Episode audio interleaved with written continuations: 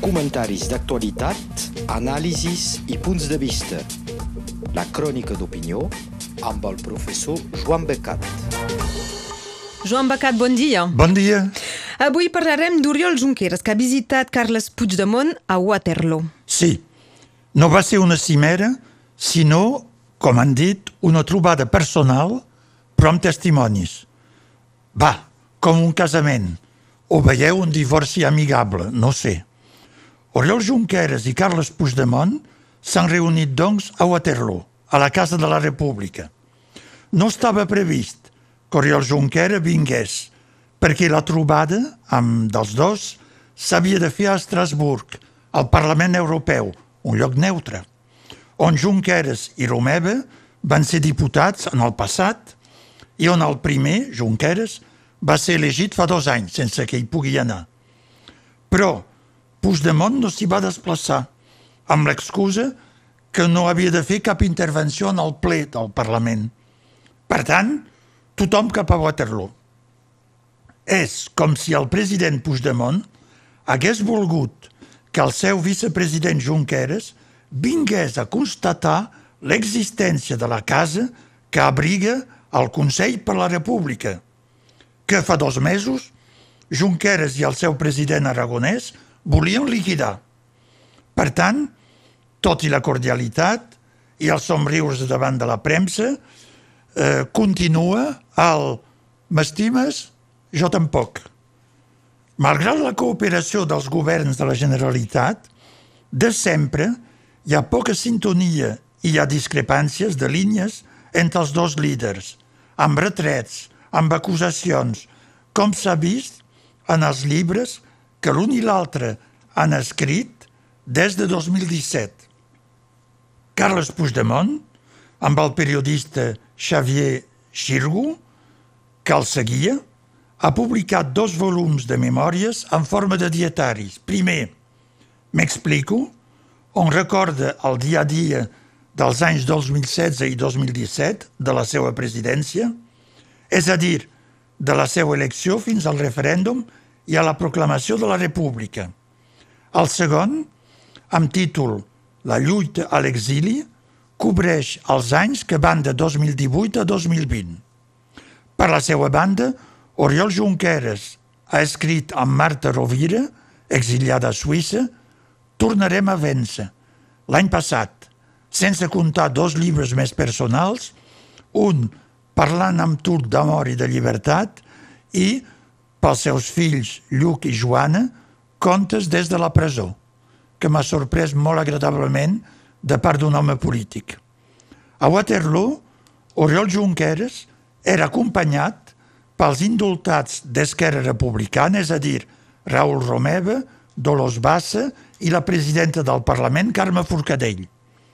Els dies anteriors havien vist els mateixos a Suïssa Marta Rovira i Anna Gabriel, que hi són exiliades. Eren presents a la trobada eh, Toni Comín i el raper Valltònic, exiliat tots dos a Bèlgica. Per tant, aquestes visites per Europa són, de fet, una nova presa de contacte d'Oriol Junqueras amb la política exterior, que ell no vol deixar al sol Carles Puigdemont. Vol dir que la pugna continua. Ara bé, tot i les malfiances i el passiu, és un primer contacte personal que se feia 1.341 dies sense veure's des del 27 d'octubre del 2017 l'exili de l'un a Bèlgica i l'empresonament de l'altre. I se tornaran a veure aquest divendres a Elda. M'agradaria personalment que durin els contactes i que passin a una real cooperació proper capítol, com, com dèieu, eh, serà aquest divendres a Elna pel 60è aniversari d'Òmnium Cultural. No sé si per aquest aniversari brindaran amb xampany i si serà xampany rus, català, xinès, californià o francès. Eh, probablement. Jo preferiria banyuls o, o moscat de ribes altes, eh? entre, o maurí, entre nosaltres. Eh? Bé, parlem de xampany. Són escandalitzats. qui? Doncs al Comitè Champagne. Una, no he dit l'accent, però tant se val. Una associació de productors francesos de xampany, d'Epernay i de Reims, que defensen aquesta joia de la identitat francesa, com diuen ells, seguits per tota la premsa de tot l'Estat i fins i tot pel nostre l'independent, a qui agraden els títols a tendència humorística. Aquesta vegada ho aconsegueix, perquè titula La Russie sabre le champagne français en s'apropiant son nom. Russos dolents. I se veu una foto amb Vladimir Putin que brinda amb xampany. Més que dolent, aquest Putin. I s'explica que Rússia ha fet una llei que reglamenta les apel·lacions de vins sobre el seu territori, tant la producció com les importacions. És el seu dret, França ha fet el mateix. Pel xampany, que els francesos comercialitzaven no amb el nom de xampany, sinó amb una etiqueta especial amb el nom escrit amb l'alfabet cirílic a la moda russa i la llei diu que la paraula, perdoneu la pronúncia, xampanskoe, quedarà reservada a la producció russa de vins escumosos, que se fa al sud de Rússia i a Crimea, segons la mètode champenoise, és a dir, amb la fermentació dins l'ampolla. També és el seu dret, com car la paraula xampanya té una forma en moltes llengües. Xampany en català, amb una X al davant i en Y al final, doncs també en rus. Per tant, el xampany francès s'haurà de comercialitzar amb l'etiqueta en francès o bé amb la indicació vin pétillant en rus.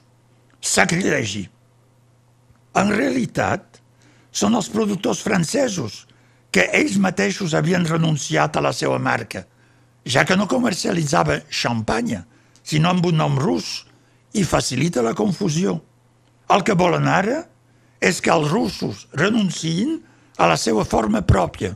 És molt fort. Però no és la primera vegada que això passa. Fa uns 30 anys van fer la mateixa guerra contra el nom xampany en català posat a les ampolles de cava, nom xampany que era tradicional des de feia un segle i escrit a la catalana. Va anar als tribunals europeus que van donar raó a França. Era a finals dels anys 80 i el president de la Cambra d'Agricultura de Perpinyà, Renat Joan Camó, m'havia demanat un informe sobre aquest tema i els vins de cava. És en aquest moment que se va inventar el nom de cava per designar eh, aquest vi escumós. És una regulació, una regulació de la Generalitat de l'any 91 que acaba de fixar el nom. Però la cosa no va acabar aquí car les etiquetes de cava, marcades cava, indicaven en petit mètode champenoise, que és el nom conegut arreu del món per aquest vi escumós, re tribunals i re victòria francesa. Ja que era cava, un humorista va proposar que s'escrigui a les ampolles mètode cavanoise. Va anar encara més lluny i el que segueix demostra que els productors francesos de xampany no tenen cap escrúpol i són bandits comercials com els altres. El xampany s'ha fet molt car i en falta. Fins i tot els xampanys més dolents són fora de preu i tenen la competència internacional dels cava i de les produccions californianes. Pel preu del més dolent xampany teniu el millor dels cava, us ho recomani, que poden ser comparats a un bo i excel·lent xampany. Per tant, els productors francesos van comprar empreses de cava de Sant Sadurní de Vilafranca del Penedès per completar la seva oferta. Quina etiqueta van posar? Doncs, evidentment, cava. Però, a sota i ben visible, doncs, van posar el seu nom, evidentment en francès, i la seva adreça, no completa, limitada a la paraula champagne, ben visible, també en francès.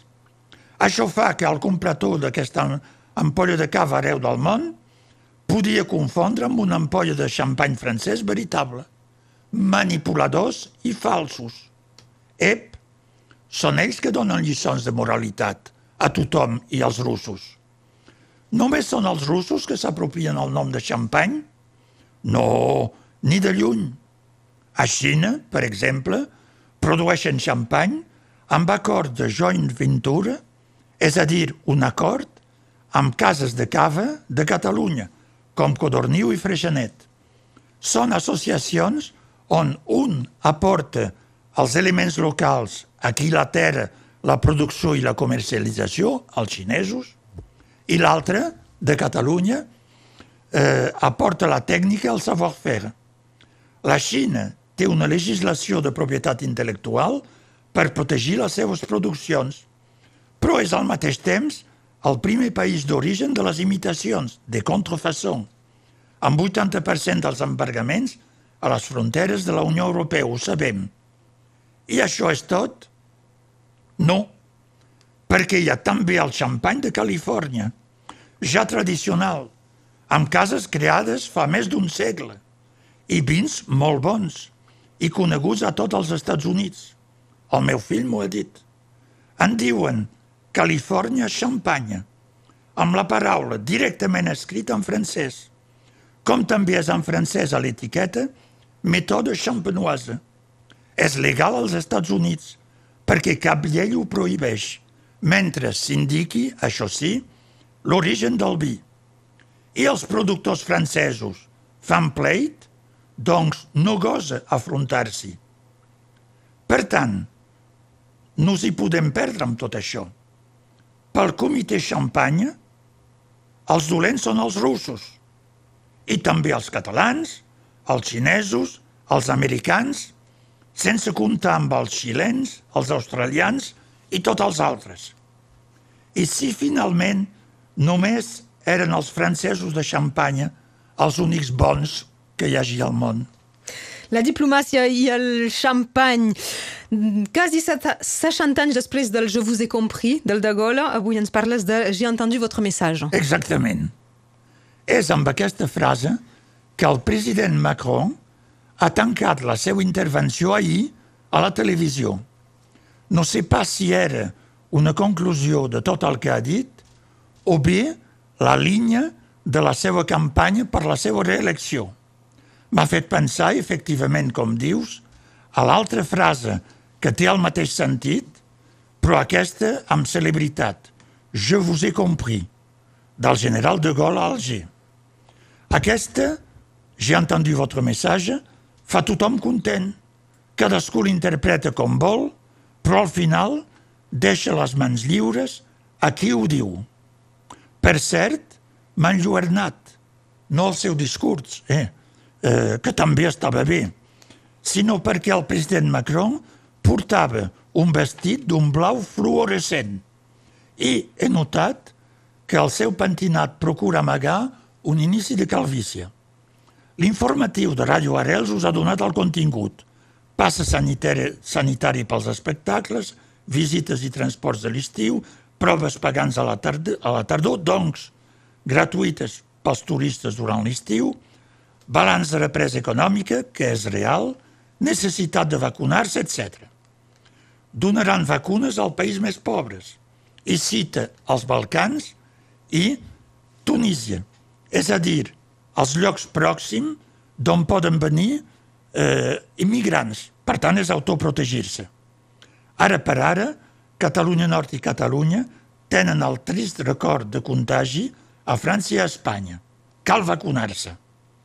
Però l'anunci del president Macron, l'anunci major, és que la reforma de les jubilacions, de les retretes, serà ajornada per temps, potser per sempre.